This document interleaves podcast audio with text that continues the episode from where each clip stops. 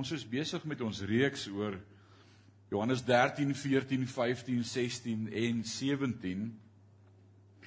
Uh kom ek noem dit net op hierdie oomblik voor ek met die woord begin. Wie van julle kry bietjie warm in die kerk? So bietjie warm. Bietjie meer. Alraai. Wat my altyd dink aan pastoor Wouter Blom wat hierdie aircons aangesit het en toe hierdie af en toe sê hy die wat jy het vir Wouter geken hom. Toe sê hy dit was dakwaaiers nog. Toe sê hy die wat gewaai wil word kom sit die kant. Die wat nie gewaai wil word nie kom sit die kant en die wat wil waai moet nou waai. Dit was Wouter in Hootfield gemeente in die Oosrand.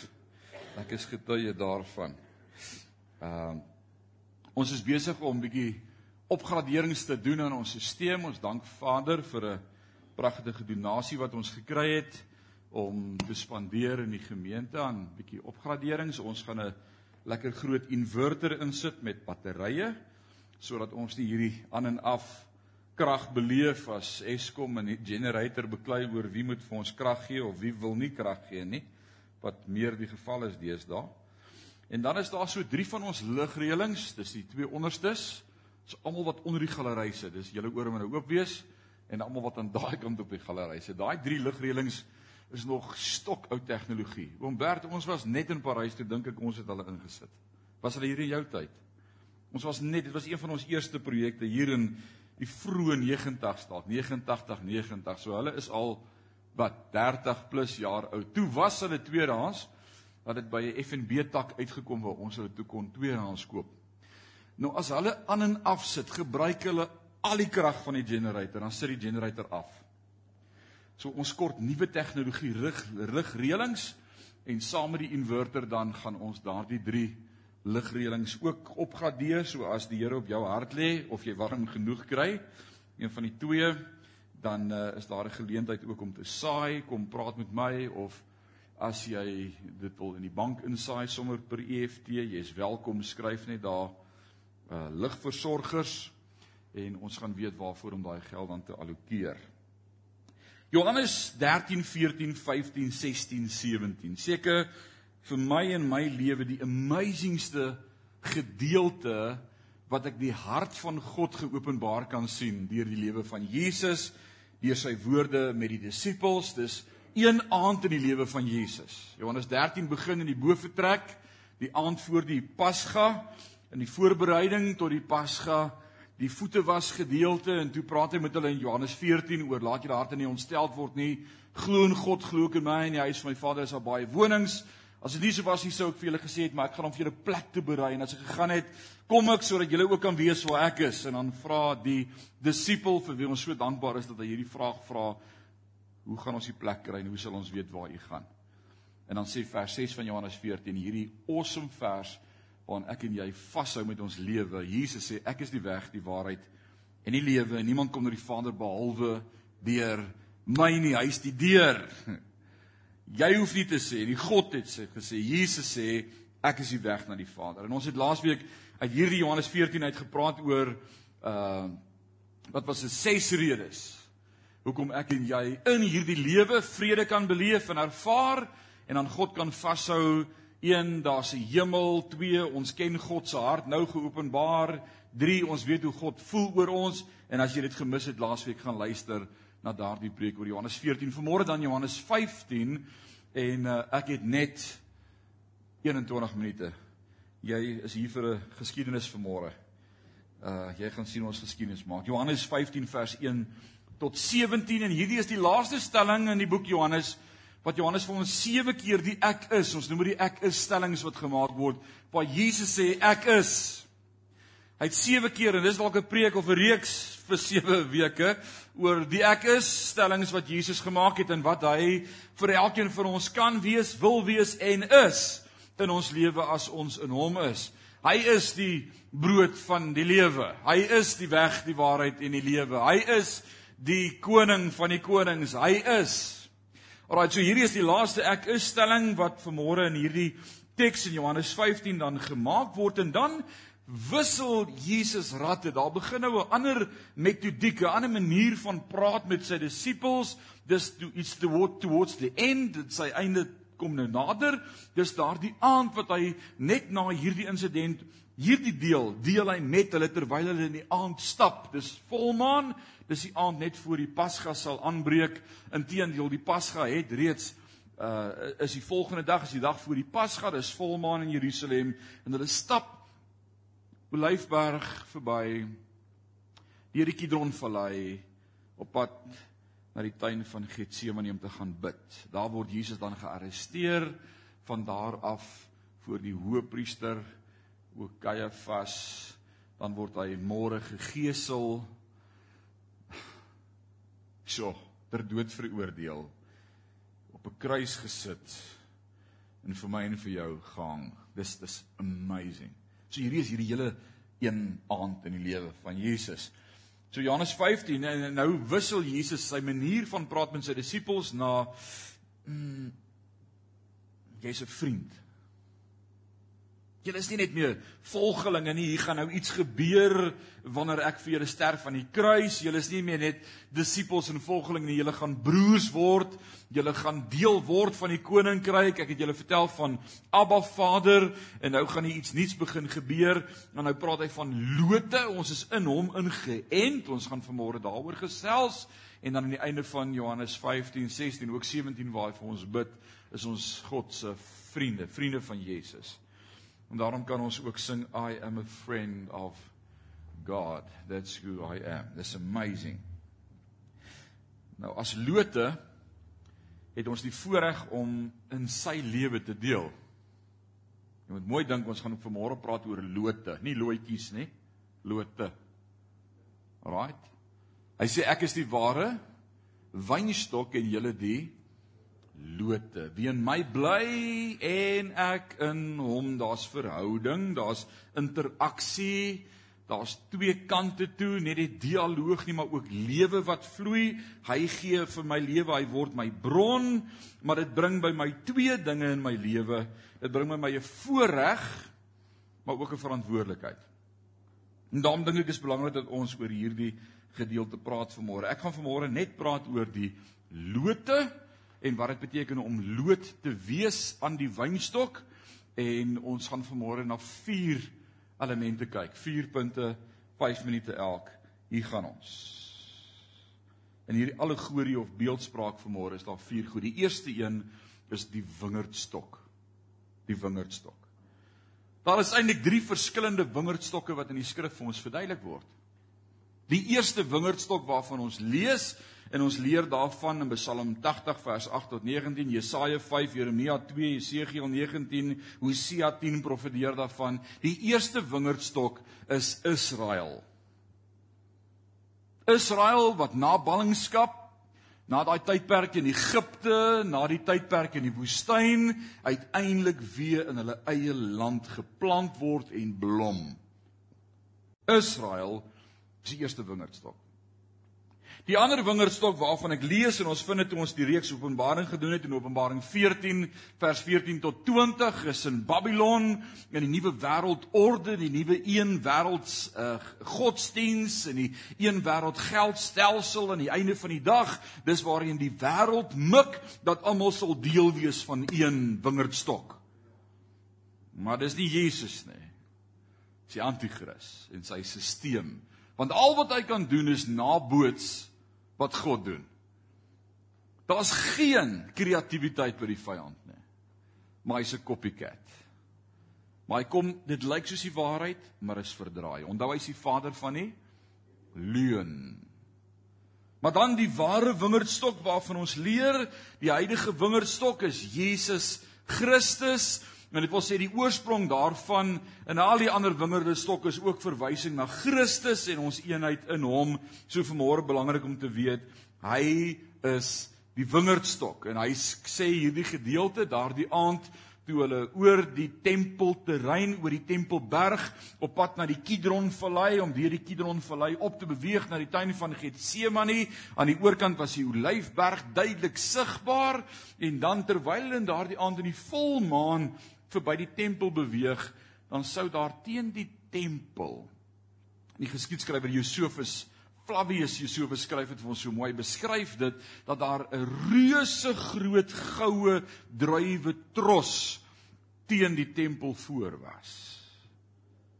Jesus het nou net vir sy disippels gesê julle gaan met julle lewe boet, julle gaan betaal. Ek is nie altyd hier nie. Ek gaan sterf, ek gaan weg. Hulle harte is omsteld.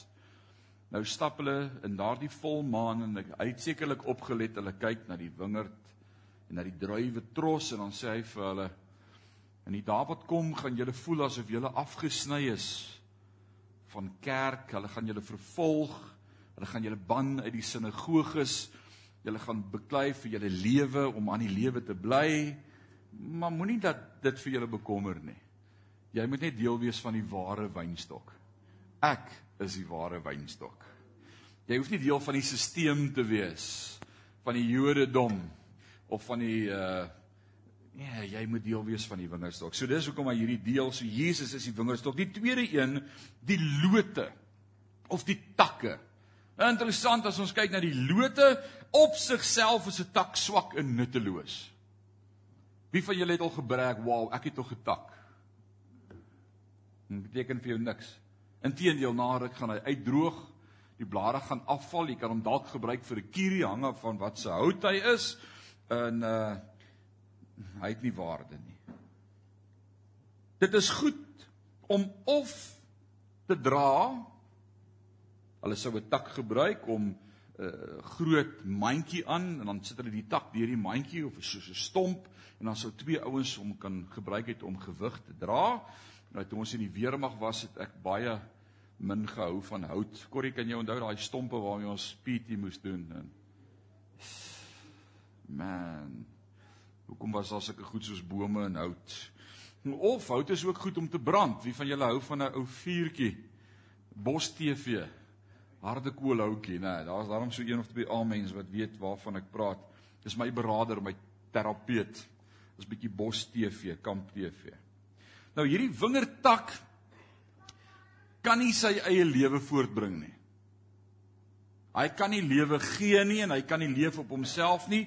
Dit moet daardie lewe uit die wingerdstok put. Hy kan nie op sy eie enige iets doen nie en daarom die verstaan vanmôre van wie ek is in Christus, ek is niks sonder hom nie. Hy is my bron.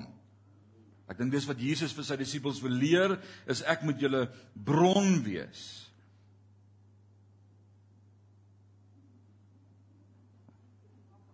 Dis dit Daniel. O, ek tog vir 'n oomblik is daar. Wie soek jy seun? Wie soek jy? Jou pappa. Iemand se seentjie word gesoek. Kom staan nie voor by my dan wys ons vir die gemeente hoe lyk. Jy kom staan gou hier voor. En dan kyk ons of jou pappa hier is.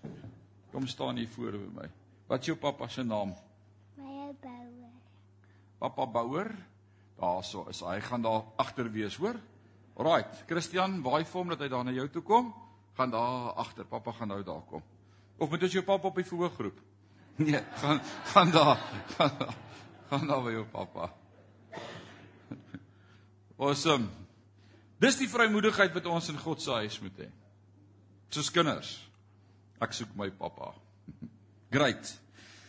So as 'n tak kan nie lewe uit homself gee nie, maar sy lewe kom van die bron af en dis wat Jesus hier vir ons duidelik wil sê, dis ons gemeenskap met Christus deur die Gees wat ons vrugbaar maak om vrug te kan voortlewe.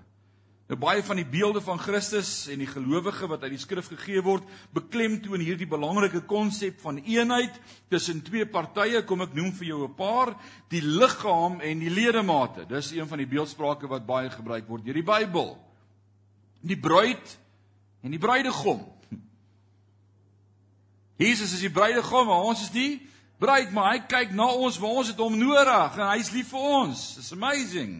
Die skape en die herder. Hy's die goeie herder en ons is die skape, Psalm 23. Die Here is my herder. 'n Skaap sonder 'n herder is useless. Lid van die liggaam wat van die liggaam afgesny word, sterf. En daarom moet jy oppas vir die metodiek wat die vyand gebruik in ons moderne dag en my en jou lewe om ons te wil afsny van 'n gemeente of afsny van die liggaam van Christus. Man, hy kry 'n manier om jou 'n babbel te laat wind, 'n wind te sluk en jy sit by die huis en hy lag. Want jy's afgesny van die fellowship, die samekoms van die heiliges. Hebreërs 10:25 sê en laat ons nie die onderlinge byeenkomste afskeep soos wat sommige die gewoonte het nie. Maar laat ons mekaar vermaan en dit des te meer na mate jy die dag van God sien nader kom. Daar's iets daaraan om saam te wees. Jy kan by die huis worship en vir YouTube kyk en die wat siek is sê vanmôre ons YouTube ons kyk van die huis af, maar hier's iets van die belewenis van wat God hier doen wat jy nie voor die TV kry nie. Daar's ook iets van accountability wanneer ons so by mekaar is. Ons check mekaar uit. Jy ry hoe ry jy ou langs jou? Kom ry dit of jy nie hel was. ons check mekaar. Daar's 'n Wat se wat se walmpie tel ek by jou op? Waar het jy gisteraand gekuier? Ons het accountability teenoor mekaar. Hoe ek loop in die lewe en hoe ek optree en hoe ek my gedra en dis dis deel van kerk wees. Right? Nou die sleutelwoord vir hierdie gedeelte is hy wat in my bly. Sê saam met my bly. Wat sal hierdie woord bly beteken? Nou dis nie net kuier nie. Dis nie soms is nie, maar konstante posisie in Christus, belangrik. En dis 'n klein woordjie, maar dit word 11 keer in Johannes 15 vers 1 tot 11 gebruik. 11 keer sê Johannes Jesus se woorde was ons moet in hom bly. Stamp aan die ou langs jou en sê bly. Right. Jy het nie jou kans gemis om aan jou man te stamp, Rita. Hy kon niks terug doen nie. Ons check hom. Oom Bert sal hom in toom hou. Alraight. Dit beteken om in gemeenskap met Christus te bly sodat sy lewe in en deur ons kan werk om vrugte voort te bring. Dit behels beslis die woord van God en die belydenis van sonde sodat niks ons gemeenskap met hom sal verhinder nie. Dit behels ook dat ons hom sal gehoorsaam en sal lief hê. Ek wil in hom bly. Ek wil niks doen om daardie posisie prys te gee nie. Ek wil niks doen om skade te bring aan hierdie verhouding nie, want ek moet in hom bly. Nou hoe kan ons sien wanneer Christus in ons bly? Kom ons raak bietjie meer prakties met hierdie teks vanmôre. Hoe kan ons sien as Christus in ons bly? En daar is 'n spesiale gevoel? Nee, is nie 'n gevoel nie. Is nie 'n gevoel nie. Dis nie 'n emosie nie, maar daar's spesiale bewyse wat verskyn en dit is onmiskenbaar deel van hierdie posisie in Christus. Kom ek noem 'n paar. 5. Eerstens, wanneer jy in Christus bly, dra jy vrug.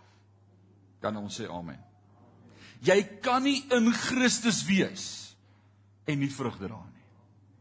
Dan beteken jy jy's op die verkeerde wingerdstok geaard of geplant. Die tweede een, ons ook ervaar jy die Vader se snoei. Nou dis nou nie 'n lekker een vir om te dink jy's deel van die wynstok nie. Hoe weet ek ek is ingeënt? God snoei aan my. Wie van julle beleef almal snoei in julle lewe? Geknip, knip. Ons vanmôre moet dink aan 'n titel vir YouTube vir hierdie preek. Toe uh Jacques, wat was jou tema? Pas op vir die chop. Hey, waar het ons hierdie mense gekry? Pas op vir die chop. Maar as jy in God se wingerd ingeplant is, ingeënt is, dan snoei hy aan jou. Ek gaan nou met jou daaroor praat. Die derde punt is die gelowige wat in Christus bly, se gebede word verhoor. Wie kan sê amen? Ag, oh, ons loof die Here daarvoor. Hy leer ons, ons kan praat, ons kan met hom bid en hy hoor as ons bid. En hy ervaar 'n verdiepe liefde vir Christus. Daar's iets wat gebeur het vandat ek in hom bly en ingeënt is. Ek raak net liewer en liewer vir hom. Ek ek is verknog aan hom. Ek kan nie deur 'n dag gaan sonder om te dink of te sê, "Ag Here, U is so amazing. Ek is so lief vir U nie." Dit al was iets wat gebeur. Dis deel van die vrug in my lewe. As 'n interessante volgende vrug. Ek is ek is ook 'n vrug vir ander gelowiges. Kom hap aan my. Nie hap my nie. Maar ek wil daar wees vir jou. Ek wil vrug wees vir jou. Ek wil skaduwee gee vir jou. Ek wil ek wil van my vrugte met jou share wat jy nodig het in jou lewe. Dis hoe ek weet ek's ingeplant in die ware wynstok. Ek hou nie is my vrugte los my uit, dis myne. Nee, ek share. Dis deel van die koninkryk. En dan die awesomeste een vir my vers 11 sê ek ervaar ook God se vreugde. Hoe weet ek ek is 'n kind van God? Ek het vreugde in my lewe. En hierdie blywende verhouding is natuurlik vir die tak en die wingerdstok. Maar dit moet in 'n Christelike lewe gekweek word. Dis nie outomaties nie. Om in Christus te bly vereis. Kom ons noem 'n paar vereistes. Hoe kry ek dit reg om in hom te bly? Ek het nou vir jou gesê hoe lyk dit as ek in hom bly, maar hoe kry ek dit reg? Die eerste een vir my belangrikste aanbidding. Aanbidding. Dit wat ons vanmôre kom doen het in die sangdiens. En, en jy kan nie net een keer 'n week by die kerk kom aanbid nie, hoor. Gaan nie jou help om in hom te bly nie. Maar elke oomblik wat jy kry, elke oomblik wat jy in jou kar klim of jou bakkie of ry of alleen is of by die huis is, gebruik die oomblik om God te aanbid. Meditasie. Sy woord.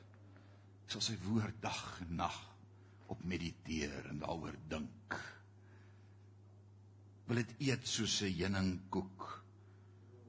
Wil dit vasmaak in my hart dat dit deel is van my hart, my gedagtes op dit terug.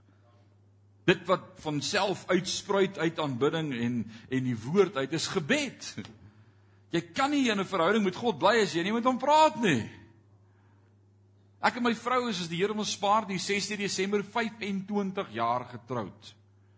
En ek kan die kere wat ons met mekaar gepraat het op my een hand tel you wish. Nee, dis dis konstante dialoog. Konstant. Partykeer sê ek vir bly net stil, maar maar maar ons ons praat met mekaar. En ek moes leer in my lewe om te luister en stil te bly.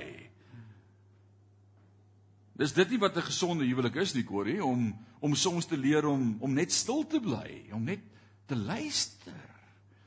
Jy sien in die begin het ek gedink as my vrou met my kom praat en sy raad soek of haar probleem vir my bring, dan moet ek vir haar antwoord gee. Dit het amper my lewe gekos. Sy wil nie raad hê nie, sy wil net hê ek moet luister. Maar ek moes dit leer. En nou as sy stil bly en ek stil is, dan sê sy vir my, "Gaan jy niks sê nie?" Ek is te bang om iets te sê. Wil jy raad hê? Nee, sê ek, "Oké, okay, is oké." Okay. Ek het gehoor. Ek hoor jou hart. Maar dis wat gebed ook is. Om soms met God te praat en te weet hy luister, maar ander kere stil te bly sodat hy met my kan praat. Jy geweet dis ook deel van gebed. Jy's ek het nou vir 'n uur lank aan mekaar gebid. Dis amazing. Great wat het die Here vir jou gesê? Nee, ek het vir hom gesê. Mm. Gebed is dialoog. Maar dit help my om in hom te bly Nog iets wat ek sien as deel van om in hom te bly, wat my help om in hom te bly, is opofferings. Opofferings. As jy nie opofferings bring in jou lewe en dinge opoffer nie, sukkel jy om in God te bly. Dis deel van die dinge wat maak dat ek in hom bly. Ek offer goed op. Gaan vanaand TV opoffer om tyd te maak vir my verhouding met die Here. Ek het nie vandag tyd gehad nie. Ek gaan ander goed opoffer en sê soek allereers die koninkryk van God en sy geregtigheid. En dan wat help my om ook in hom te bly en dis wat ek vir my jong diakens hier by die gemeente probeer leer diensbaarheid. Diens. Want deur 'n diens te lewer of te verrig aan ander beteken dat ek moet weet waar dit vandaan kom. Ek moet eers my ore oopmaak en dit bring persoonlike groei. Wil jy geestelik groei? Wie van julle wil almal geestelik groei? Wie se hart is dit om geestelik te groei? Steek gou julle hande op. Gou julle hande op. Ek wil dit neerskryf. Begin 'n selgroep en jy's die selleier. OK. Jesus het baie selleiers bygekry vanmôre. Dis amazing. Elkeen gaan begin met 'n selgroep en jy's die selleier. Jy, jy weet jou hand opgesteek het. Want weet jy wat gebeur in my lewe? As jong volgeling van Christus voor ek bediening toe is, toe ek 'n selgroep begin. So ek ek kan nie vir hulle niks sê nie. Ek moet seker nou by die Here iets gaan hoor. En nou begin ek dieper in die woord kyk en dan sê ek, "Wow, dis amazing. Ek gaan dit met hulle deel." En dan groei ek eintlik meer geestelik as wat ek hulle help om te groei. Hulle het my gehelp om te groei. Wie kan daarvan getuig? Wie kan sê amen? Dis hoe dit werk. Diensbaarheid. Maar wat 'n vreugdevolle ervaring is dit nie om diensbaar te wees nie. As jy eers hierdie dieper gemeenskap met Christus begin aankweek het, het jy geen begeerte om terug te keer na die vlak van lewe van 'n sorgelose Christen nie. Ek kan nooit weer net sorgeloos vertrou op die Here nie. Ek daar iets gebeur in my lewe. Die derde belangrike punt, my 5 minute raak al hoe korter, is die wingerdboer. Dis nog 'n simbool in hierdie prentjie wat ek vanmôre sien. Right? Die die die ek is die loot en nou praat ek oor die wingerdboer. Die wingerdboer is in beheer van die versorging van die wingerdstokke en Jesus sê vir ons dat dit die werk van die Vader is. Jy moet nou mooi oplet in die klas vanmôre. Wie se werk is dit om groei in jou lewe te bewerk? Jy moet weet wie's in jou lewe besig om te werk. Jesus sê, "My Vader is die landbouer. Hy's die een wat in ons werk. Dit is hy wat die takke kom suiwer of snoei sodat hulle meer vrug sal produseer. Nou lig, nou let vanmôre op op die verhouding hier. Geen vrugte as ons lees hierdie teks, as jy gaan lees van vers 2 af tot vers 8, dan sien jy eers praat hy van geen vrug, dan knip knip knip. Dan sê hy daar's vrug. Dan word daar weer geknip. Dan sê hy daar's meer vrug. Knip knip. In vers 8 sê hy daar's nou baie vrug. So wat is God se hart vir jou? Geen vrug, vrug, meer vrug of baie vrug? Waar trek jy in jou lewe? Geen vrug, vrug, meer vrug of baie vrug? Ek hoop jy kan vanmôre sê daar's baie vrug in my lewe. Nie almal van ons kan nie. Baie Christene bid dat God hulle meer vrugbaar sal maak, maar ons like net nie die snoeiproses nie. Maar ek het vanmôre nuus vir jou, dis deel van groei in my en jou lewe. Die wingerdboer snoei die takke op twee maniere.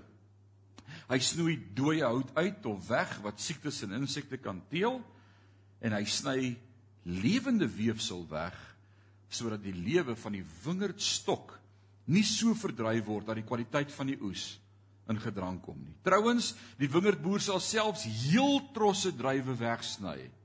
Oom Leon, jy kom uit Appington se wêreld. Kanon Eiland. Nee, wat sê hy? Eiland daar naby? Is dit Kanon Eiland?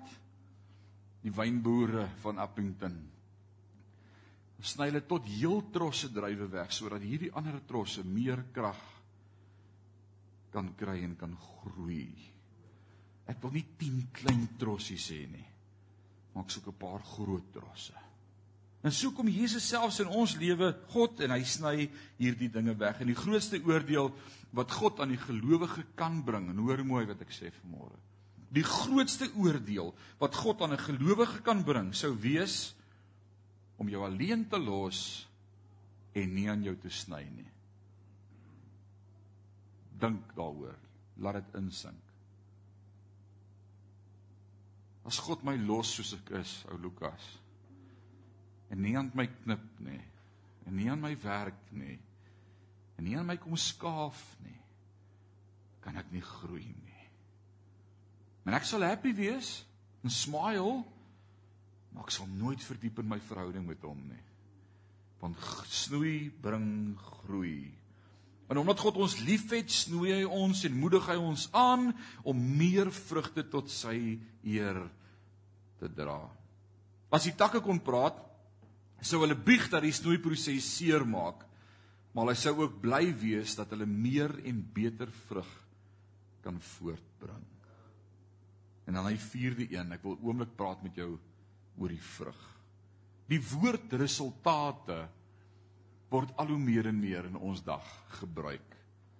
As ek boeke lees, artikels lees, uh die Bana Institute navorsing, dan gaan dit oor resultate, results, veral in kerkwêreld. Ek lees nêrens van resultate in die woord van God nie, maar ek lees van vrug. 'n Resultaat is 'n ding wat 'n masjien kan produseer. Hulle kan results produce. But to bear fruit needs life and living tissue. Daar moet 'n lewende wese, ek moet deel wees van Christus. Neem tyd en bewerking om vrugte te produseer. 'n Goeie oes kom nie oornag nie. Kom ek praat met jou oomblik oor verskeie soorte geestelike vrugte wat in die Bybel genoem word. En ek wil hê terwyl ek hieroor praat met jy vanmôre agter jou 'n paar regmerkies sit of vraagtekens of net spasies. En dis waar ons vanmôre vir die Here gaan sê, help ons bietjie dat ek meer vrug sal dra. Hier's 'n paar vrugte wat by my opgekom het. Ons dra vrugte wanneer ons verander na Christus toe bring. Kan iemand sê amen? Ou Mani, dis wanneer ek met ander die evangelie deel wat ek vrug dra. Alraait. So die vraag Soveel mense het jy onlangs na Christus gebring en gelei. En hoeveel mense se lewe is jy 'n geestelike mentor wat wat vir hulle help na die weg en die waarheid en die lewe? Jy antwoord dit. 2:1 Ons is deel van die oes. Dis vrug. Volgens Johannes 4 vers 35 tot 38 is om deel te wees van die oes is 'n vrug wat ek in my lewe dra. Ek lyk soos die oes, ek is deel van die oes. In Romeine 6 vers 22 soos ons groei in heiligheid en gehoorsaamheid dra ons ook vrug. So ek wil vanmôre vir jou vra hoe gehoorsaam is jy? En hoe lyk jou heiligmaking? Is jy besig om nader aan God te groei? Is jy gehoorsaam in wat hy vir jou sê? Dis vrug en dis vrug wat hy aan ons soek. Paulus praat van om te gee. Dis vrug in 'n kind van God se lewe. Die eerste Christelike kerk, ons lees dit in Handelinge 2 en Handelinge 3, het alles wat hulle het verkoop en hulle het hulle die geld gedeel onder die armes. Hulle wanneer ek Christus het en die lewe het, kry ek dit reg om te gee. Want ek besef wat ek het is nie myne nie, dit kom van of dit kom van God af. Dit is 'n geskenk van hom af. Galasiërs 5 vers 2 en 23 praat van die vrug van die Gees en ek het al vir jou daarop gewys dat die vrug van die Gees eintlik net een vrug is met baie verskillende prentjies. Maar die hart van al daai vrugte is die een, want die vrug enkelvoud, gaan kyk mooi wat daar in die teks staan, die vrug, nie vrugte nie. Die vrug van die Gees is liefde. En as jy nie liefde het nie, gaan jy nie een van die vrugte regkry nie. Liefde is die hart. Selfs ons goeie werke, ons dien, ons groei uit en ons belewenis van die lewe is vrug. Ons goeie werke. En dan die lof wat uit ons harte en ons lippe kom, die eintlike vrug tot eer van God. Hebreërs 13 praat daarvan dat alles wat ek sê en alles wat ek doen ook vrug is vir hom my lewe verheerlik hom as vrug. 'n Ware loot verenig met die wingerdstok en hy sal altyd vrug dra. As daar geen vrugte is nie, is die loot waardeloos en word dit weggegooi en verbrand. En dan wil ek klaarmaak met hierdie een sinnetjie. As takke in die wingerdstok het ons die voorreg om in hom te bly maar die verantwoordelikheid om vrug te dra. Ek kan nie in hom wil bly vir dit wat ek daar uitput en wat hy vir my kan doen en nie bereid wees om vir hom iets te doen nie. It's two way. En ons sê almal vanmôre ons is in hom ingeplant en ons het die lewe en en hy's goed vir ons en en is great. Ek wil vanmôre vir jou die ander vraag vra. Wat gee ek Wat se vrug is daar in my lewe? Wat deel ek met ander om my? Het jy geweet vrugte eet nie hulle self nie? Ek hoop nie jy het so boom in jou tuin wat die vrugte hulle self eet nie. Nee, weet jy wie weet jy wie eet vrugte? Ander. My vrugte is nie vir my nie. Dis 'n bewys van sy goedheid en guns in my lewe en wat hy deur my doen. Maar dis verander. Mag ons ons vrugte deel met mekaar in hierdie tyd. Mag kerk gesien word vir die vrug. Jesus se woorde laat my so daaraan dink as hy kom en sê julle is die sout van die aarde, julle is die lig van die wêreld en dan eindig hy hierdie perakoop in Matteus 5 so hy sê laat julle lig so skyn voor die mense dat julle Vader wat in die hemel is verheerlik sal word. Henry mag jou lig so skyn voor jou pelle dat hulle wanneer hulle na jou lewe kyk sê, "Ag, daar moet 'n God in die hemel wees." Ou Leon, mag ander wat na jou kyk sê, "Mag moet 'n God wees." God is awesome.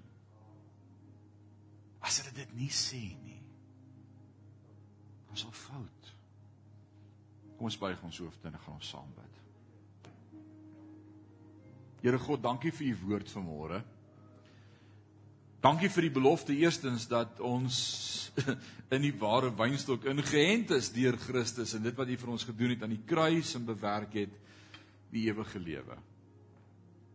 Maar vanmôre die groot verantwoordelikheid as lote om vrug te dra om U te verheerlik om toe te laat om gesnoei te word. Dit gaan nie oor ons nie, dit gaan alles oor U. My gebed is as ons hier uitstap vanmôre dat die Heilige Gees die naprediker sal wees en met ons sal praat in ons lewe daaroor om vrug te dra vir die koninkryk. Sodat wanneer die mense ons werke sien en ons vrug sien, ons nie die eer sal kry nie. Dit gaan nie oor ons nie, maar dit gaan oor die goeie wynstok Jesus Christus en dat ons in hom ingeplant is. Word deur ons verheerlik. Dis my gebed in Jesus naam en sê ons sê amen en amen. Aan al ons nuwe selleiers baie welkom in Sion. Ek challenge jou al begin jy net met een die evangelie deel, daar gaan groei wees. Gaan vrede.